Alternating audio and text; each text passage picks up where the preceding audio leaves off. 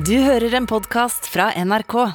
I går på Instagram gikk jeg ut og ba om forslag til eh, temaer hvis vi skulle styre unna korona og strømpriser. Eh, Og da kom det altså inn så mange gode forslag. Eh, mange av dem, det, veld, det er veldig mange som er opptatt av Det var nok en slags kampanje, men det er helt greit.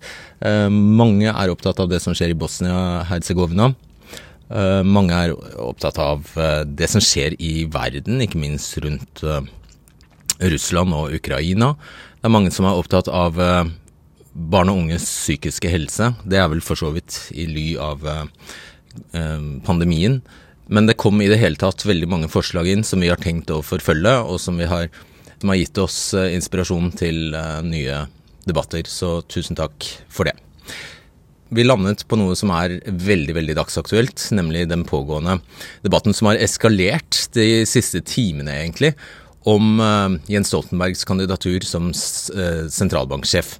Eh, Den saken har jo fått en utvikling det siste døgnet, fordi det har kommet fram nye opplysninger om hvor tett og nært vennskap det er mellom Stoltenberg og Støre, og for så vidt også deres fellesvenn Knut Brundtland. Det endrer vel for så vidt ikke sakens faktum på noe vis, fordi Støre erklærte seg jo umiddelbart inhabil. Men det bekrefter vel for opinionen antagelig at uh, dette kan bli problematisk. Det er i hvert fall det. Du skal få høre at uh, opp opposisjonen på Stortinget anfører som argumentasjon her, mot uh, Stoltenberg.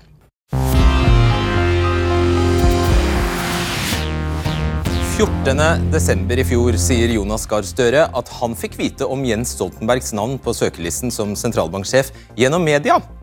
Jeg så det på nett som alle andre, sa han. Og jeg har vært helt utenom det temaet også i vår relasjon, sa han. To dager etter spør NTB Støre om, han har diskutert stillingen som sentralbanksjef med Jens Stoltenberg. Nei, svarer Støre. To ganger svarer han nei.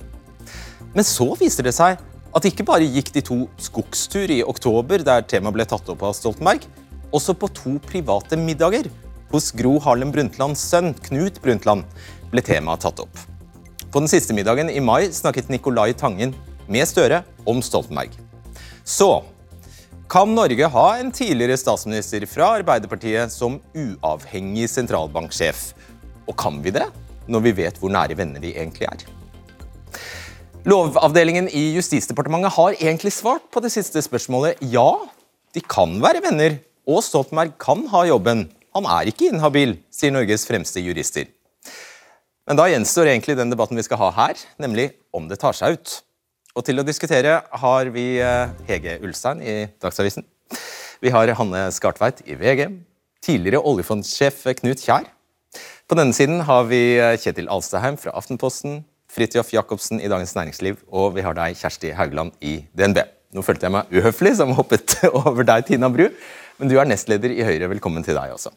Og det er sånn, jeg skal bare legge til det, det er ja, så vidt jeg har registrert, ingen partier som åpent støtter Stoltenbergs eh, kandidatur så langt. Tina Bru, bør Jens Stoltenberg bli ny sentralbanksjef? Jeg mener at den eh, debatten som vi har sett de siste ukene, eh, rundt hvordan dette eventuelt kan påvirke tilliten til at sentralbanken er uavhengig, viser at utnevnelsen av Stoltenberg vil være uklokt. Men når det er sagt, så har ikke Høyre som parti noe standpunkt på dette.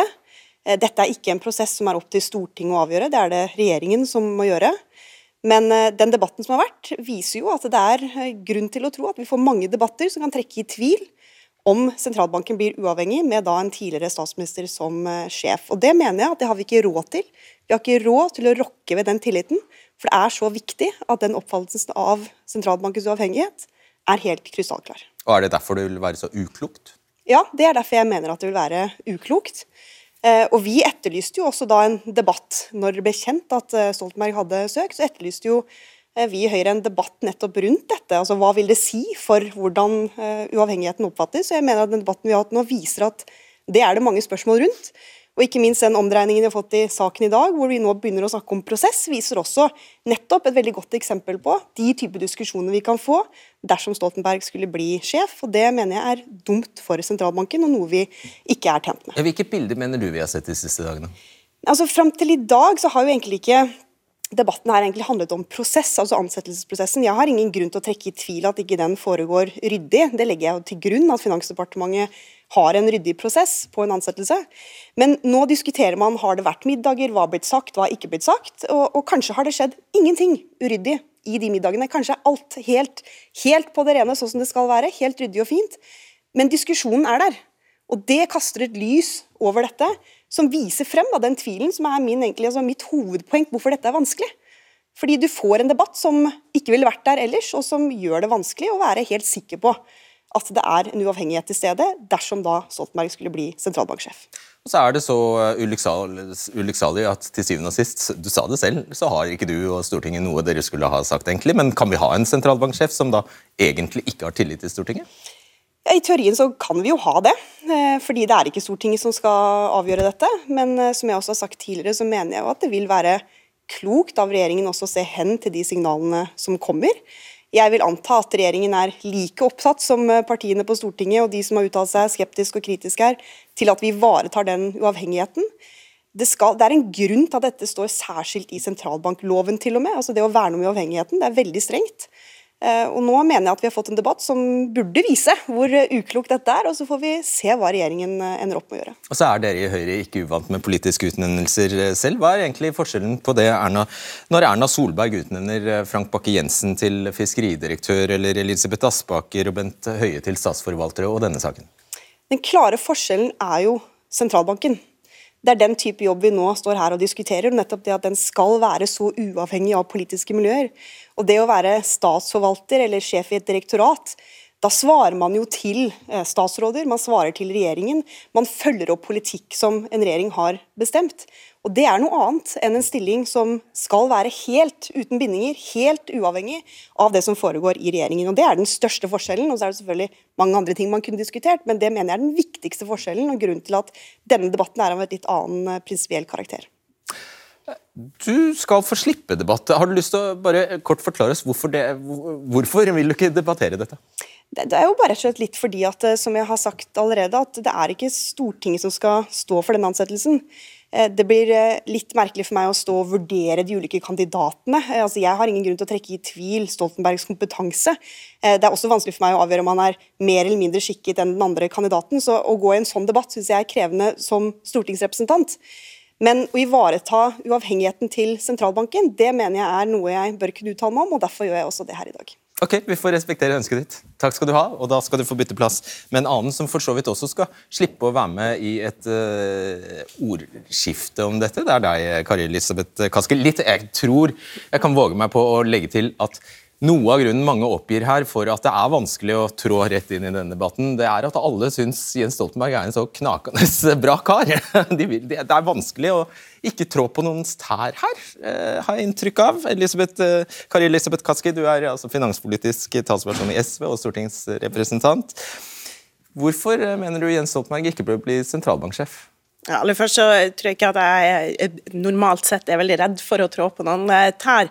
Eh, men det er unaturlig, som også Tina Bru er inne på, å gå inn i liksom en konkret debatt rundt de eh, forskjellige kandidatene, som det fort blir når det ikke er Stortinget som ansetter. Det ansvaret ligger i, i regjeringa. Ja, og jeg syns at det er greit å um, gi beskjed om, da Eh, og uttrykke at, eh, at, jeg er kritisk til uh, Jens Stoltenberg som ny sentralbanksjef. Jeg mener at han ikke bør bli det. Og jeg mener at det er en uting at det foregår prosesser som framstår som om noen har snakka sammen, og at de viktigste samfunnsposisjonene i Norge ser ut til å bli fordelt på et knippe mennesker i det øvre samfunnssjiktet. Og særlig nå hvor det er en økende uro for at tilliten svekkes til både politikken og politikere, men også de viktige samfunnsinstitusjonene, så mener jeg at det er viktig å ivareta det og tenke gjennom det. Hva med særlig nå men sikter du til strømpriser og greier? Nei, men altså, det, det er jo en, en, utvikling som vi ser i tida, at, at tilliten også i Norge eh, svekkes til viktige samfunnsinstitusjoner. Det, det, bør vi ta på alvor, tenker jeg. Og Da er det viktig både selvfølgelig, og det legger jeg til grunn at vi har her, en, en skikkelig og ryddig prosess ledet av Finansdepartementet men at man rett og slett bør være ekstra var. Og vi risikerer jo å gå glipp av andre gode talenter som ikke blir invitert på middager. Mm. Nå kalte du et øvre sjikt, eller hva det var. Eh, du har tidligere kalt det en gjeng. Hva er det for en gjeng? Nei, men altså, Det er jo uh, ulike ord uh, på akkurat det. ikke sant? Dette er folk som kjenner hverandre. og Det er jo for så vidt litt av uh, um, den problemstillinga som vi står overfor, som vi har sett eksemplifisert i dag. da. Støre og Stoltenberg er venner. og Det er, er, for så vidt verken hemmelig eller noe galt i det. Men, men, noen av de sakene som vi har sett i dag, illustrerer jo noen problemstillinger man vil kunne komme til. og Det er en politisk utnevnelse av en Arbeiderpartilederregjering av en tidligere Arbeiderparti-statsminister, eh, som vil ha med seg en politisk bagasje der, som vil kunne påvirke også eller eh, eh, Det vil bli debatter rundt det også i de framtidige diskusjonene om f.eks. sentralbankens rolle og oppgave, som jeg syns er viktig at vi har mer av. Kunne gjerne debattert sentralbanken i seg selv og oppgavene deres, men da, da vil det jo være også um, da vil du ha en tidligere statsminister inn der med all den politiske bagasjen i det, og det vil påvirke debatten, tror jeg. Ja, men egentlig samme spørsmål uh, til deg. Du, da, du er i en posisjon eh, som Tina Bru ikke er i. Du kan påføre din egen altså, Nei, det var feil ord. Ikke din egen regjering, men den regjeringen som er helt avhengig av deg. Sånn er det. Et smertelig nederlag her. Kan regjeringen utnevne eh, Jens Stoltenberg som sentralbanksjef uten stortingsflertallets tillit? Så det her eh, er helt klart regjeringa sitt ansvar og oppgave å utnevne ny sentralbanksjef. Det har Stortinget vært med å vedta at det er regjeringas oppgave. og Jeg eh, forutsetter at Finansdepartementet har en uhilda profesjonell ansettelsesprosess her. Men så er det jo også for en regjering eh, ikke så dumt av og til å lytte til eh, gode argumenter. Og det håper jeg jo at regjeringa gjør her. Er det generelt for mange toppolitikere som tar snor seg opp til toppen av byråkratiet? Eh, nei, og Det er ikke nødvendigvis noe galt i det i seg sjøl, tenker jeg. Også eh, tidligere politikere skal vel kunne ha noe å gjøre i etterkant av at man har vært politiker. Eh, men det er både måten ting blir gjort på, men også snakk om hvilke ulike posisjoner, hvem som utnevner dem til de ulike posisjonene. Det mener jeg man skal ha ryddighet rundt. og Vi har litt for mange eksempler mener jeg, på at eh, et parti utnevner noen fra sitt eget eller samme parti i viktige posisjoner i samfunnet. og det, um, det Vi har også andre å, eksempler, som at Bård Vegar Solhjell uh, blir Norad-sjef, eller at Kristin Halvorsen blir Cicero-leder. Ja, men det er noen vesentlige forskjeller. fordi at det var en Høyre-leda regjering som utnevnte Bård Vegar Solhjell uh, til den jobben. og og, og Kristin Halvorsen har blitt ansatt i en uavhengig forskningsstiftelse. Og Det er enorm forskjell fra det og at en regjering skal utnevne en ny sentralbanksjef. Sentralbanken er åpenbart en annen institusjon også enn både Cicero og, og Noran. Men, men, jeg tror at man, det er viktig at man har en bevissthet rundt det, og da har vi et felles ansvar for, og særlig i lys av, av de siste sakene også med at det er en gjeng som kjenner hverandre, som spiser middag sammen, påvirker også det oppfatning av det inntrykket folk får. Og det mener jeg det mener jeg er uheldig. Du får gå hjem og spise middag alene, du, da. Takk for at du kom. Hanne Skartveit, du er politisk redaktør i VG. Hva er det største problemet vil du si, med at Jens Stoltenberg blir eh, eventuelt ny sentralbanksjef? Ja, det er jo de bindingene som påpekes her, som er eh, det beste argumentet til de som ikke ønsker han. Og jeg ser at det er relevant, en relevant problemstilling. Men jeg mener likevel at argumentene for Jens Stoltenberg som ny sentralbanksjef er tyngre for min del. Ja, Hva er de? Han har bred internasjonal erfaring. Det viktigste med sentralbanksjefjobben er jo faktisk etter mitt syn at han er styreleder for oljefondet. Og oljefondet, som da er et av verdens største statlige fond, da er du helt avhengig av å ha internasjonal eh, kompetanse, forståelse for eh, global politikk, for sikkerhetspolitikk, for økonomi, for verdensøkonomien. Og også faktisk, selv om mange på den siden ler av det, at man må faktisk ha kontroll med Nicolai Tangen, som jo vi ser har et eh, selvbilde og et ønske om å være ganske tydelig og markant. Oljefondet kan ikke bli en stat i staten. La, det, det, det, siste har du formulert som at eh, det er viktig at noen kan holde Oljefondets sjef Nicolai Tangen i ørene. Fordi han liksom kan finne på å gå bananas og kjøpe dumme aksjer og ja, skusle vekk alle pengene på kryptovaluta, eller hva? Nei, men Jobben som oljefondsjef er jo kanskje den aller viktigste jobben vi har i Norge som ikke er direkte politisk valgt. Og Jeg synes jo, jeg er ikke helt overbevist om at Nicolai Tangen har den fulle rolleforståelsen enda, eller den fulle forståelsen for samfunnet og politikken. Og jeg tenker For min del så er det betryggende hvis Jens Stoltenberg kan sitte og kan gjerne latterliggjøre begrepet 'holde ham i øra', men ha kontroll som styreleder, og som den uh, oljefondets uh, sjef rapporterer direkte til, nemlig sentralbanksjefen. Ja. Uh, skal vi Fridtjof Jacobsen, du har reagert på det, akkurat det begrepet der? Holde, holde ham i ørene? Du mener ikke argumentet holder? Nei, altså Nå vet vi jo med disse middagene at uh, Tangen ønsker, byr frem sine ører til Jens Stoltenberg, tydeligvis. da, uh, Ettersom han har vært uh, tydeligvis ivrige med å være med i prosessen om å få dette kandidaturet på bakken, så, eller på, på, ut i offentligheten.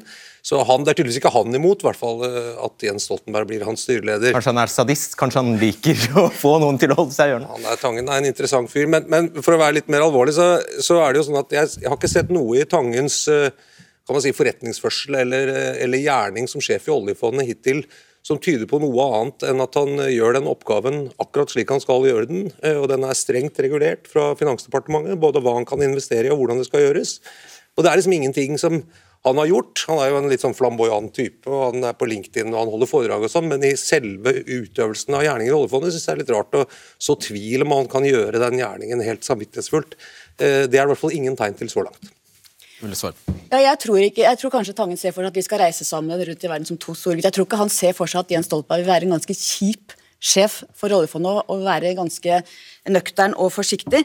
Og jeg mener jo også at det at eh, Nicolai Tangen da nettopp eh, ser ut til å jobbe for Jens Stoltenberg, illustrerer hans manglende rolleforståelse, for det skal faktisk ikke sjefen for oljefondet gjøre noe som helst med, eller mene noe som helst om. Ja, eh, Nå er det vel jeg burde tilføye at Tangen er jo åpenbart ikke her, og vi har faktisk ikke invitert han heller. Så, vi får bare, eh, så, så, er det sagt. Men Støre er invitert, og Stoltenberg er invitert. Og ingen av de, eh, og Ida Follen Bakke også invitert. Ingen av dem kunne komme. Ok, Kjetil Lavstheim, politisk redaktør i Aftenposten. Hva er det som taler imot Jens Stoltenbergs kandidatur? Eh jeg tror kanskje det er, det er, et par ting. Eh, og Den ene snakker vi ganske lite om. og Det er jo kompetansen til å gjøre det som er kjerneoppgaven til sentralbanken. Nemlig å drive pengepolitikken og passe på finansiell stabilitet. Oljefondet, Det å være styreleder for oljefondet er selvfølgelig også viktig, men man kan ikke hoppe over det en sentralbank driver med. Eh, og Der er jo Ida Wolden Bakke i utgangspunktet veldig kvalifisert. Hun har en doktorgrad som er relevant for jobben. Hun har jobbet i Norges Bank nå det nærmer seg jo 20 år. Hun har hatt lederstillinger nå de siste eh, ja, i lengre tid. Hun har jobbet med pengepolitikk, hun har jobbet med finansiell stabilitet. Hun har uh, jobbet med spørsmål om hva betyr kryptovaluta innenfor eh, finanssystemene våre? Hva betyr det at eh, teknologigiganter som Facebook, Amazon, Google går inn og begynner å, å drive med betalingsformidling? Og som er veldig relevant for en sentralbanksjef, mens Jens Stoltenberg de siste åtte årene har holdt på med Donald Trump og Afghanistan og Ukraina, som jo også er viktig, men som ikke er kjerneoppgave for, for en eh, sentralbank. Så man må jo også se på hvem av dem er det som har kompetanse til å være sentralbanksjef. Eh, og der er det en del... Men det er jo bare den ene delen av jobben? Det er en ganske stor del av jobben. Også når det gjelder det med å holde uh, Nicolai Tangen i ørene. Hvis han har behov for det, da, uh, så er jo spørsmålet Det kan jo tenkes at Ida Wolden Bakke også har evne til å holde Nicolai Tangen i ørene. Det vet jo vi litt lite om. Poenget er at vi som står her, vi har jo fulgt Jens Stoltenberg i årevis. Vi har intervjuet ham, vi har skrevet hundrevis av kommentarer om ham. Vi har hørt på alle landsmøtetalene hans, vi har hørt på nyttårstalene. vi har lest selvbiografien hans, men vi har jo ikke lest doktorgradsavhandlingen til Ida Wolden Bakke. Det er jo så vidt vi greier å stokke navnet hennes riktig. På VGs podkast i dag så greide de jo ikke det. Så det sier noe om at vi har ikke Vi kjenner Jens Stoltenberg godt, vi kjenner ikke Ida Wolden Bakke så godt. Så det å konkludere med hvem av de to som da er best, det syns jeg Han favoriseres fordi han er han? Det er litt hybris. Uh, ok, Hege Ulstein, Apropos kvinne. Uh, du har skrevet den, uh, du skrev den I den aller første velsignelse av Jens Stoltenbergs kandidatur så skrev du at en kompetent og erfaren kvinne settes til side av en formelt sett dårligere kvalifisert mann, kan ikke stå i veien for det åpenbare faktum Norge kan ikke få en bedre sentralbanksjef enn Jens Stoltenberg. Mener du det? Dagsavisen hadde en leder med den formuleringen som du siterte nå, og jeg er helt enig med deg at det er en klønete formulering som, eh, eh, som burde vært formulert helt annerledes. Poenget med den lederen var å peke på egenskapene som gjorde at Dagsavisen konkluderte eh, med at vi som avis mener at han er best egnet til å ha den stillingen. Og det er jo litt sånn som dere har vært inne på her, at uh, Stillingen som sjef for Norges Bank den er delt i to. Det er dette med pengepolitikk, rentefastsettelse og de tingene. Og så er det det med å være styreleder for uh, Norges Bank. Og etter vårt syn, og mitt syn, så uh, framstår han som best kvalifisert i begge de to rollene. Han er veldig kompetent på pengepolitikk. Han har en utmerket uh, embetseksamen. Han har vært finansminister. Han var statsminister under finanskrisen i 2008-2009. Eh, og hvis du ser på hvordan stillingsutlysningen er, og legger den ved siden av CV-ene til Jens Stoltenberg og Ida Wolden Bakke, så er det helt opplagt at han treffer på mange mange flere kriterier. Han kan krisehåndtering, han er topptrent i beredskap. Han har vært ute av norsk politi, partipolitikk i åtte år. Og han har eh, han dyp økonomisk forståelse, politisk fortsatt, forståelse. Han er god på klimapolitikk. Det, han ja. møter jo jevnlig opp på Arbeiderpartiets landsmøte fortsatt. Eh, jeg tror ikke han kommer til å møte opp på Arbeiderpartiets landsmøter hvis han blir eh, sentralbanksjef. Og når det gjelder ja, han har jo ingen rolle i norsk, han har ikke hatt noen rolle i norsk politikk. Det er jo som Alstheim her sier, at han har vært opptatt med Trump og Ukraina. Det tror jeg han er denne uken her også, for å si det sånn. Kjersti Haugland, da må vi få introdusert deg. Du er altså sjeføkonom i DNB Markets, og du kaller Stoltenbergs bakgrunn for svært tung og politisk, både som tidligere statsminister og finansminister. Det er det jo egentlig ingen som er uenige om. Men så konkluderer du motsatt av det Ulstein og, uh, gjør. Hvorfor det? Nei, altså når navnet hans først seilte opp eh, som en kandidat i media, altså før det ble klart at han faktisk var en søker, så syns jeg jo det var et artig forslag. Eh, men et helt totalt urealistisk forslag. Og Grunnen til det er jo at jeg som følger sentralbanker veldig tett i jobben min, eh, vet jo det at et mantra for sentralbanken det er dets uavhengighet. Det er ekstremt viktig at sentralbankene opptrer på en måte og blir oppfatta av publikum, både innenlands og utenlands, som en institusjon som gjør avgjører, beslutninger, basert på faglige begrunnelser, og som er en god og lang armlengde unna det politiske systemet. Og Årsaken er det at det kan oppstå mange situasjoner der f.eks. For i forkant av et valg, der en kan føle av politiske grunner at det er krevende å måtte sette opp renta f.eks. som følge av inflasjonspress. Dette ser vi i øyeblikket altså Øystein Olsen sin beslutning i desember var ikke veldig populær rundt. Det var heller ingen politikere som turte, turte, å si 'det der gjør du om'. Absolutt, men det var heller ingen som debatterte i etterkant om Øystein Olsen hadde noen baktanker eh, med å enten heve renta eller la være å heve renta. Eh, og det mener jeg at det, det er ekstremt viktig at vi ikke har politikere. Og Jens Stoltenberg han er som det har blitt gjentatt her flere ganger, en veldig dyktig type, uten tvil. Men det kan ikke stå i veien for det åpenbare faktum at han har en upassende bakgrunn for å være sentralbanksjef. Han er 100% politiker. Han hadde jo ikke vært i den jobben i Nato hvis ikke han hadde hatt den politiske bakgrunnen som han har. Så det lurer jeg litt på hvorfor ikke kommer fram i debatten. Det var faktisk, Skartvedt, du skal få svare på det, og det var jo faktisk Erna Solberg som fremmet hans kandidatur som politiker inn i den jobben. Absolutt, og kanskje det hadde vært lettere dersom det hadde vært en Erna Solberg-regjering som nå skulle utnevne sentralbanksjef. Eh, det koker ned til om man tror at Jens Stoltenberg eh, vil ha evne til å holde den avstanden. Når det gjelder rentefastsettinger, så er det jo et styre på fem personer som setter den renta. Og jeg tror vi alle ville reagert hvis det viser seg at Jens Stoltenberg prøvde å overkjøre eller prøvde å, å, få til noe mot de fire andre svært kompetente som sitter der. Og så har jeg lyst til å si, Vi er jo i en veldig heldig situasjon. Det er en åpen prosess med to særdeles gode kandidater til sentralbanksjef. Det har vært en åpen prosess. Begge har søkt på vanlig vis, blir vurdert av Finansdepartementet. Det er jo noe som egentlig er litt kult. Og så har vi en debatt som er viktig og nødvendig.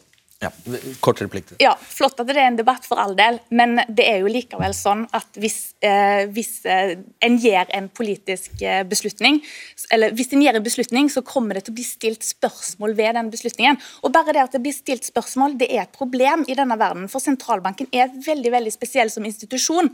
Det kan eh, oppstå politisk press, og da er det avgjørende at sentralbankene har sitt langsiktige mål for øye og klarer å ta kjedelige, upopulære beslutninger. Eh, og så er det kanskje litt kjedeligere å ikke få Jens Stoltenberg som sentralbanksjef, men det tror jeg det er verdt. Ok, Nå har seerne fått med seg at du er her, Sveinung Rotevatn. Eh, velkommen til deg. Du skal straks få, få slippe til, men må, jeg har lyst til å gå til deg først, eh, Knut Kjær. Du var den første lederen for uh, oljefondet. Eh, strengt tatt for Norges Bank Investment Management, som da er avdelingen i Norges Bank som forvalter oljefondet. Helt formelt. Og så ledet du faktisk den, den arbeidsgruppen som ja, designet uh, oljefondet. Så det, dagens fond er mer eller mindre ditt uh, er, det, er det, Tar du på deg æren for det? At det er ditt uh, verk? Absolutt ikke. Nei. Nei jeg var en, en, av mange som var med og bidro. Men det er jo den hatten jeg har på meg her. Ja. Jeg føler fortsatt ansvar. og det ingen snakker om Hanne var inne på det det er eh, kompetansekravene i den stillingen. Det som er foranledningen her Altså som, er, ja, ja. I, den, I, den, delen som handler om å være eh, sjef for et hovedstyre som også da har ansvar for oljefondet. Verdens største fond. Verdens største fond. Dette er en varslet katastrofe. Politikerne som opptrer her nå, som er med i debatten, de kunne i Stortinget i 2019 stemt for forslaget fra Svein Gjedrem og hans utvalg om å splitte sentralbanken og oljefondet. Det sto i den enstemmige innstillingen at det er to helt forskjellige virksomheter. Det blir vanskelig å finne en sjef som dekker begge virksomhetene. Og det er der vi er nå. Derfor er dette vanskelig. Og da er din konklusjon Bare la oss få konklusjonen først, så kan vi ta resonnementet etterpå. Konklusjonen er at uh, vi må jobbe videre med det som lå på Stortingets bord da, og skille disse virksomhetene fra hverandre. Altså det, altså, ja, men Hvem bør bli sjef for den? Uh, for, for altså oljefondet fra sentralbanken. Ja. Alle som snakker her nå, snakker om sentralbanken og uavhengighet. Man snakker ikke om styringen av verdens største fond. Det blir mye mer krevende i årene framover. Du mener Stoltenberg er riktig mann? Det har ikke jeg en sterk mening om. Eh, hvis jeg skulle velge her, og vi starter å tegne på, på nytt, så ville jeg satt inn Stoltenberg ut fra hans uh, Han er en av få nordmenn, tror jeg, som kunne tatt oljefondet ut av sentralbanken og bygget den institusjonen som vi trenger. Mens uavhengigheten som vi snakker om, som er viktig for sentralbanken, mener jeg at Ida Wolden Bakke glimrende kan ta vare på og vil være glimrende leder av sentralbanken. Så Det er ditt forslag til løsning? At man ansetter Jens Stoltenberg? Altså Egentlig at du får fullført din kjepphest, som det har vært i mange år? Altså, det, det, er, det er ikke og, ja, og, at hun kan ta vare på sentralbankdelen, og så kan Jens Stoltenberg bli del, eh, leder for eh, styret for altså, nå, nå, har vi styringen og ledelsen av verdens største fond, som driver en liten sentralbank på si. Begge deler er viktige. Og det er vanskelig å finne en person som er svært god på de to områdene. Ja, det, jeg ser du er så ivrig, så bare forklare oss hvorfor det er en dårlig idé. veldig kjapt før vi går til Ja, Jeg stiller jo spørsmålstegn ved denne fondsbiten. Jeg skjønner godt at Jens Stoltenberg har mye internasjonal erfaring, men han har jo ikke noe erfaring med finansmarkeder, med fondsmarkeder. Hadde Jens Stoltenberg vært en internasjonalt kjent fondsforvalter, så hadde jeg vært helt med på argumentasjonen. Men eh, den type bakgrunn som han har, jeg skjønner ikke hvorfor det skal være så utrolig nyttig og nødvendig i en, nettopp en sånn styrestilling som det. Ja, og så er det faktisk sånn at uh, Nåværende finansminister eh, Trygve Slagsvold Vedum har egentlig satt ned foten for, uh, for, det der. Han har sagt at dette utvalget som nå utreder dette, de skal ikke se på det engang. fondet blir i banken. Det har han sagt, så foreløpig får du ikke som du vil ha det, Kjær. Da, Sveinung Rotevatn, du er stortingsrepresentant for Venstre. Hva mener dere? Nei, vi var ute tidlig i høst først egentlig, og sa at vi var skeptiske til at Stoltenberg skulle bli eh, sentralbanksjef. Eh, av de grunnene som er godt forklart her. Da eh, jeg var ute og sa det, så ble det nærmest avfeid av mange som konspirasjonsteorier. ikke sant? At Selvfølgelig vil han klare å skille rollene, det er null problem. Han er ikke Arbeiderpartipolitiker lenger, og han er så flink. Men jeg mener jo at den debatten vi nå har sett, ikke minst denne veka, viser at den bekymringa jeg hadde, i høyeste grad er reell. Fordi vi kan ikke havne i en situasjon fram i tid, der det f.eks. har skjedd en kontroversiell rentebeslutning. Og så blir det en diskusjon om men har sentralbanksjefen gått skogstur med statsministeren før den beslutninga? Har han vært på middag på Bygdøy med andre Arbeiderpartipolitikere før den beslutninga? Og så sier de nei, det har ikke skjedd. Og så skriver media en sak, og så sier de jo, det skjedde visst likevel. Sånn kan det ikke være. Det her illustrerer jo hvorfor det å sette inn en sentralbanksjef som har så til de grader sterke private og politiske bånd til nær sagt hele regjeringa, er en veldig dårlig idé. Han har vært statsminister i åtte år. Har du ikke da vist at du har en god vurderingsevne? Jo, men Det er mange i dette landet som har gode vurderingsevner, men vi skal ansette en sentralbanksjef. og Da må du kunne pengepolitikk, du må kunne fondsforvaltning, men viktigst av alt faktisk i denne sammenhengen, du skal være uavhengig fra partipolitikken. Og Vi snakker her om en person som er så inne i partipolitikken som det kan tenkes, og som fortsatt er det. Det viser denne veka. Så Derfor så bør jeg nå høre på fra regjeringas side, det er et flertall på Stortinget ganske tydelig uttrykker. Ulsa.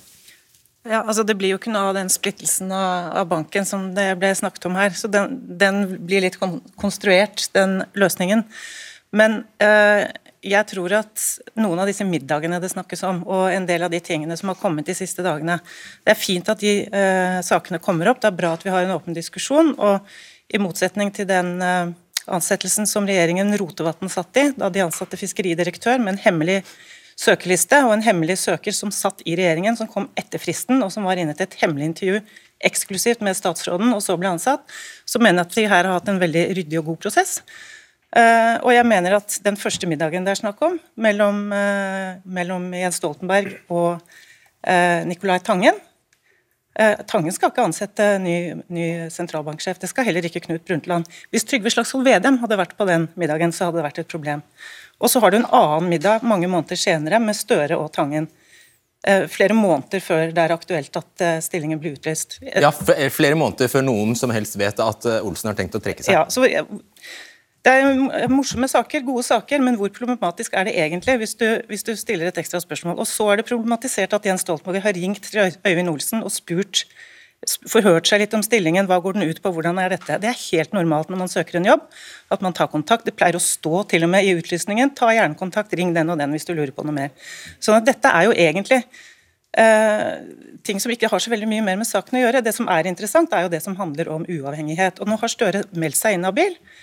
Jeg syns det er rart at det fremstilles som et problem. Jeg syns det er korrekt av Støre å melde seg inhabil. Det hadde vært et mye større problem hvis han ikke hadde gjort det. Sånn at det er egentlig ganske mye sånn ryddig opptreden fra alle her. og Det syns jeg også er en måte å se det på som må komme fram i den debatten. Du skal eh, svare, svare veldig kjapt på, på det med utnevnelsen av Bakke-Jensen. Det er ingen i Norge, for egen dør, er det vel hun sier. Det er ingen i Norge så vidt jeg vet om, som mener det er et problem at en statsforvalter eller en annen i et direktorat har partipolitisk bakgrunn. For de jobber for regjeringa, kan instrueres i alle vedtak. Sentralbanken dere var den første regjeringen på 100 år som ansatte tre sittende statsråder i embetsstillingen. Det er en helt annen diskusjon, Hege Ulstein. fordi at Det er lang tradisjon i Norge for at tidligere politikere blir statsforvaltere. Det tror jeg også du er for og ikke kjent med. Men det er ikke tradisjon for at sentralbanksjefen, som ikke skal jobbe for regjeringa, men som er uavhengig av regjeringa, har så tung partipolitisk bakgrunn. Det har ikke skjedd i moderne tid, og derfor bør det ikke skje nå heller. Syns du disse middagene er vesentlige? Nei, de middagene, Folk kan snakke om hva de vil på middag, det kan jo Stoltenberg og, og Brundtland og Tangen og alle, egentlig. Men det som er problematisk, er jo at Støre har uttalt seg i beste fall upresist og i verste fall eh, ikke helt sant om, eh, om at eh, når han kjente til Stoltenbergs kandidatur.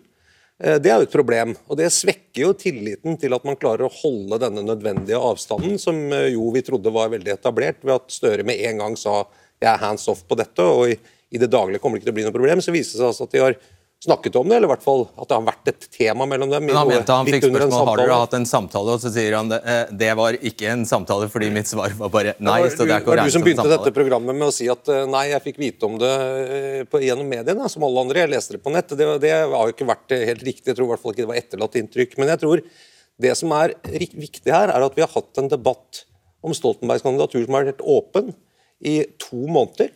Eh, det ble på en måte kom ut i offentligheten at han var interessert i denne jobben før den var utlyst. Vi har hatt en helt åpen og fri debatt. Nå har Høyre, som er det største opposisjonspartiet, konkludert.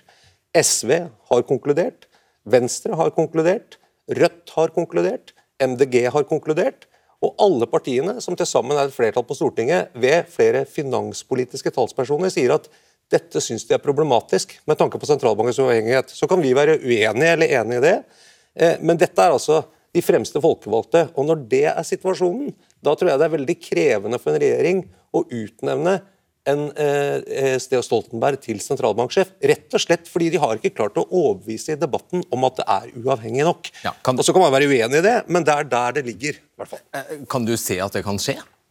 At han blir sentralbanksjef på tross av et stortingsflertall? Jeg tror det er helt åpent. Jeg hadde bare lyst til å si en ting om økonomer som alltid har fascinert meg. Nemlig at, at, de ser økonomi kun som økonomifaget. Mens det å forvalte et oljefond i den verden vi lever i nå, med global usikkerhet, sikkerhetspolitiske utfordringer, politikk og økonomi henger sammen. Det er ikke et sånt fag, selv om mange økonomer ser ut til å tro det. Ja. Uh, vi, skal, skal, vi, vi skal, tidligere i dag snakket med finansminister tidligere, finansminister Siv Jensen, og jeg spurte henne om Jens Stoltenberg kan bli ny sentralbanksjef. Etter min oppfatning vil det være veldig uklokt. Han er selvfølgelig kvalifisert, eh, og han er en fantastisk flink eh, mann. Men vi har en politisk uavhengig sentralbank i Norge. Og jeg mener det er en trussel for tilliten til Norges Bank, for omdømmet til Norges Bank, hvis eh, det blir tvil om uavhengigheten ved at en tidligere statsminister, som er nær venn med sittende statsminister, blir ny sentralbanksjef. Og hvorfor tror du ikke at Jens Stoltenberg vil skjønne hvor de grensene går? Jeg er helt sikker på at Jens Stoltenberg vil skjønne hvor de grensene går, og at han antagelig vil gå enda mer på tærne. Det er ikke problemet. Hvis dette hadde skjedd i et annet land, så hadde vi sittet og ristet på hodet eh, og tenkt at mm, det der ser ikke bra ut. Eh, med andre ord, bare i det øyeblikket man utnevner en tidligere politiker som sentralbanksjef, så har man svekket uavhengigheten. Og det er alvorlig, fordi dette handler ikke bare om sentralbankens roller. Det handler også om vårt oljefond, som eh, styres i all hovedsak av sentralbanksjefen. Ja, Mange trekker jo fram nettopp den delen av eh, oppgaven som den aller viktigste. Og der må jo Jens Stoltenberg ha en uovertruffent god kompetanse. Han har jo tross alt vært ute i verden, og dette er verdens største fond. Nå er det jo først og fremst sjefen for eh, oljefondet som har hovedansvaret for dette.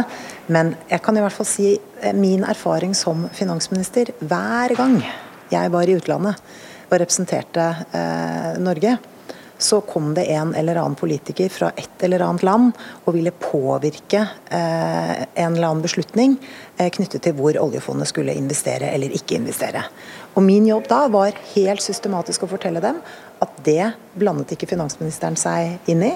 Og hvordan tror man at det etterlatteinntrykket kommer til å bli hvis det kommer en politiker på toppen i Norges Bank. Dette kommer ikke til å se bra ut i det hele tatt.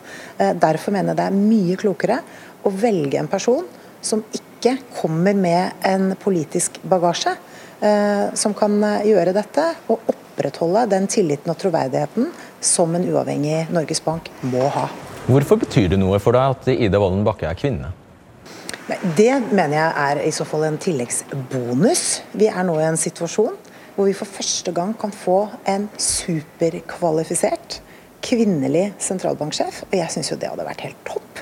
Eh, det er ingen som betviler hennes faglige kompetanse. Hvis Vi på toppen av det hele, vi er jo opptatt av likestilling i dette landet. Vi har aldri hatt en kvinnelig eh, sentralbanksjef. Så jeg mener at det er bonusen i dette. Men det jeg advarer mot, er å gjøre politikk av en uavhengig eh, Norges Bank. Det vil ikke være bra for Norges omdømme. Og det vil skape utfordringer også for oljefondet eh, i de investeringsvalgene de skal ta. Vi, husk at her er det Vi har brukt så mye tid på å forklare omverdenen at norske politikere kun legger det overordnede rammeverket for forvaltningen av oljefondet. Vi blander oss ikke inn i enkeltinvesteringene. Dette kommer til å bli så mye vanskeligere hvis det blir sådd tvil om eh, uavhengigheten. Og jeg mener det skjer i det øyeblikket man utnevner en politiker. Hvorfor skal en tidligere finansminister mene noe om dette i det hele tatt? Jeg har jo sittet med ansvaret for um, å forvalte den uavhengigheten i de seks og et halvt årene jeg var finansminister. Jeg vet hvor uhyre viktig det er. Eh, tenk hvis det var sånn i Norge at uh, vi mistenkte at det var politikerne som bestemte rentenivå f.eks. Det er ikke hver gang eh, renteøkningene kommer at folk jubler over det. Men det er ikke en politisk fastsatt rente. Eh, man setter renten basert på mange økonomiske kriterier. og Det må gjøres av eh, rent faglige eh, grunner og av et uavhengig organ. Ja, Da er det veldig naturlig Knut, her, å spørre deg, som er tidligere sjef av oljefondet. Kan du bekrefte den uh, situasjonsbeskrivelsen Siv Jensen gir her? At ut, i utlandet så kommer alle og drar i skjørtene til oljefondsjefen og vil ha, dem, ha deg til å investere hos seg? Eh, denne sammenhengen ser jeg ikke er veldig viktig. Eh, jeg har erfaring fra et annet stort fond hvor jeg har sittet i styret, hvor det er politikere i styret, og de er anerkjent ute i verden som en av de mest profesjonelle investorene. Profesjonaliteten til investororganisasjonen blir ikke påvirket av om det er en tidligere politiker som sitter i styret, er min mening. Jeg syns sentralbanksjefstillingen, altså over til sentralbanken, der er uavhengighet mer viktig. Men ikke så mye for oljefondbiten? Nei. Ja. Det tror jeg er feil, rett og slett. Hvis du setter inn eh, den tidligere generalsekretæren i Nato, tidligere statsministeren i landet, tidligere partilederen i det partiet som nå har statsministeren, inn som styreleder for oljefondet, så sender du et signal om at dette er mer politisk enn det har vært før. Eh, og det vet jeg at Hanne Skartveit er enig med meg i, at man ikke bør ha en mer sånn politisering av fondet der det blir et politisk verktøy. Men det er det signalet du sender ved å sette Stoltenberg på toppen av det fondet. Skal huske at uh, Sjefen for den europeiske sentralbanken er Christine Lagarde, tidligere finansminister i Frankrike. Det er ikke slik at en politisk fortid eller politiske toppverv gjør deg uegnet til den type jobber. Hun har ikke et fond å styre. Og jeg vil også legge til når det gjelder Gard, eh, Hun hadde mer enn 20 års profesjonell yrkeserfaring som forretningsadvokat før hun var innom toppolitikken i Frankrike, og så ledet Det internasjonale pengefondet, som ikke er en politisk stilling i en god stund. Så det er ikke helt sammenlignbart. Jens Stoltenberg er 100% politiker. Ære være han for det, men akkurat denne jobben her passer ikke for han. Du skrev selv i Tillitsmannen boka om Martin Kolberg, at Stoltenberg passet på å få Støre inn i partiets sentralstyre. Senere forsøkte Stoltenberg å få Støre inn som parlamentarisk leder, skriver du. Uh, uh, og du skriver at Kolberg oppfattet at det var en del av statsministerskolen for uh, Støre. Det siste ble det jo ikke noe av, da. Men i stedet skiftet Støre statsrådsposter, altså til helseminister fra utenriksminister. Når du selv av alle eh, Du vet at dette skjer, og de er så tette og så nære å hjelpe hverandre og klø hverandre på, på ryggen. Hvordan kan du da være så sikker på at de ikke vil fortsette å klø hverandre på ryggen? Det du refererer til nå, skjedde mens Jens Stoltenberg var leder i Arbeiderpartiet for en 10-12 år siden. Og mitt poeng tidligere var at nå har han vært ute av norsk politikk i åtte år som generalsekretær i Nato. Og så har jeg lyst til å si eh, et, et viktig poeng her som Hanne Skartveit var litt inne på. Og det er at Jeg tror vi undervurderer eh, hvor viktig det er å kunne sikkerhet og beredskap i den rollen som handler om verdens største fond, som er investert i 9000 selskaper verden over, og som vi vet er et interessant mål for fiendtlig aktivitet, bl.a. fra Kina og Russland. Det er ikke to år siden engang at visesentralbanksjefen i Norge måtte gå på dagen pga. bånd til Kina. Og Det å ha en person i den rollen som kan passe på, og som forstår de mekanismene, er ett viktig poeng. Og Et annet viktig tilleggspoeng til for å få med det, dette med politisk erfaring, kunnskap og forståelse. Man kan også snu på det og si at det er, det er et gode å ha en sentralbanksjef som har den forståelsen. Som vi vet at kan ta de typer beslutninger på selvstendig grunnlag, og som leser og forstår internasjonal og nasjonal politikk ut ifra sin okay. egen kunnskap og jeg pekte på deg så lenge at du skal få ti sekunder. Nei, altså, Som Kjær sier, profesjonaliteten i en god investororganisasjon som NBM påvirkes ikke av om det sitter politikere i styret. Det kan man jo snu begge veier. Det betyr at uh, kanskje ikke det er så viktig da, med denne politiske erfaringen hvis organisasjonen er profesjonell. Nummer to, eh, båndet mellom Stoltenberg og Støre det er etablert. Eh, det har Støre selv gjort. Han har sagt de er så nære at han selv er inhabil. Eh, da Tangen eh, ble ansatt som oljefondsjef, så hadde vi en stor og viktig debatt, riktignok etter at han fikk jobben, det tok seg veldig dumt, men hvor nettopp hans uavhengighet og totale uavhengighet fra alt i hans tidligere liv var, ble dratt frem, ikke minst av Skartveit og Ulstein, som veldig viktig for at han skulle kunne få ha den jobben, for å kunne være helt nøytral. Når Stoltenberg har en binding til statsministeren og i tillegg en lang politisk bakhistorie, hvor han også har vært aktiv også fra Brussel og konferert med statsministeren, så er plutselig det et ressurs. Det er litt merkelig snudd på hodet når vi husker hvordan debatten var om dagen. Ok, og Nå har eh, Finansdepartementet fastslått at de har faktisk bedre tid enn denne uka, som det først eh, vi alle var sikre på at de skulle måtte det som tids, eh, tidsfrist. Nå sier de at Eh, de kan ta seg den tiden de trenger. Eh, så vi vet ikke om det kommer når det kommer, rett og slett, tror jeg er konklusjonen. Takk. Tusen takk for at dere deltok i kveld. Og så vil jeg gjerne takke dere som har foreslått mange gode temaer på Instagram-kontoen min. Vi kommer til å prøve å lage flere av de debattene dere foreslo der. Og første mulighet for det er torsdag allerede. Håper vi ses da.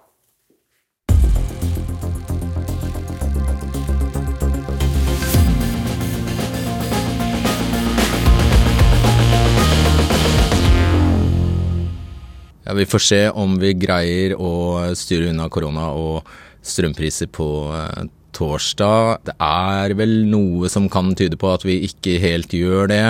Eh, fordi på fredag så er det jo ventet at regjeringen skal justere eh, restriksjonene. Og dessuten så begynner folk nå å få den samlede fakturaen for strømmen, som da, strøm og nettleie, som da viser nøyaktig hvor mye man får, som da viser nøyaktig hvor mye man får tilbakebetalt. Og da tror jeg, uten at jeg skal forskuttere det, så tror jeg at uh, i hvert fall de som har tatt initiativet til uh, Facebook-gruppen Vi som krever billigere strøm, ikke kommer til å være fornøyd, og de har vel postulert at de uh, vil kreve en makspris. Så ja, vi får se. Vi begynner arbeidet i morgen tidlig med et nytt tema. Og hvis du har innspill da, så eh, tror jeg det er best at du bruker e-postadressen debattenkrøllalfa.nrk.no. Vi høres. Ha det bra. Du har hørt en podkast fra NRK. De nyeste episodene hører du først i appen NRK Radio.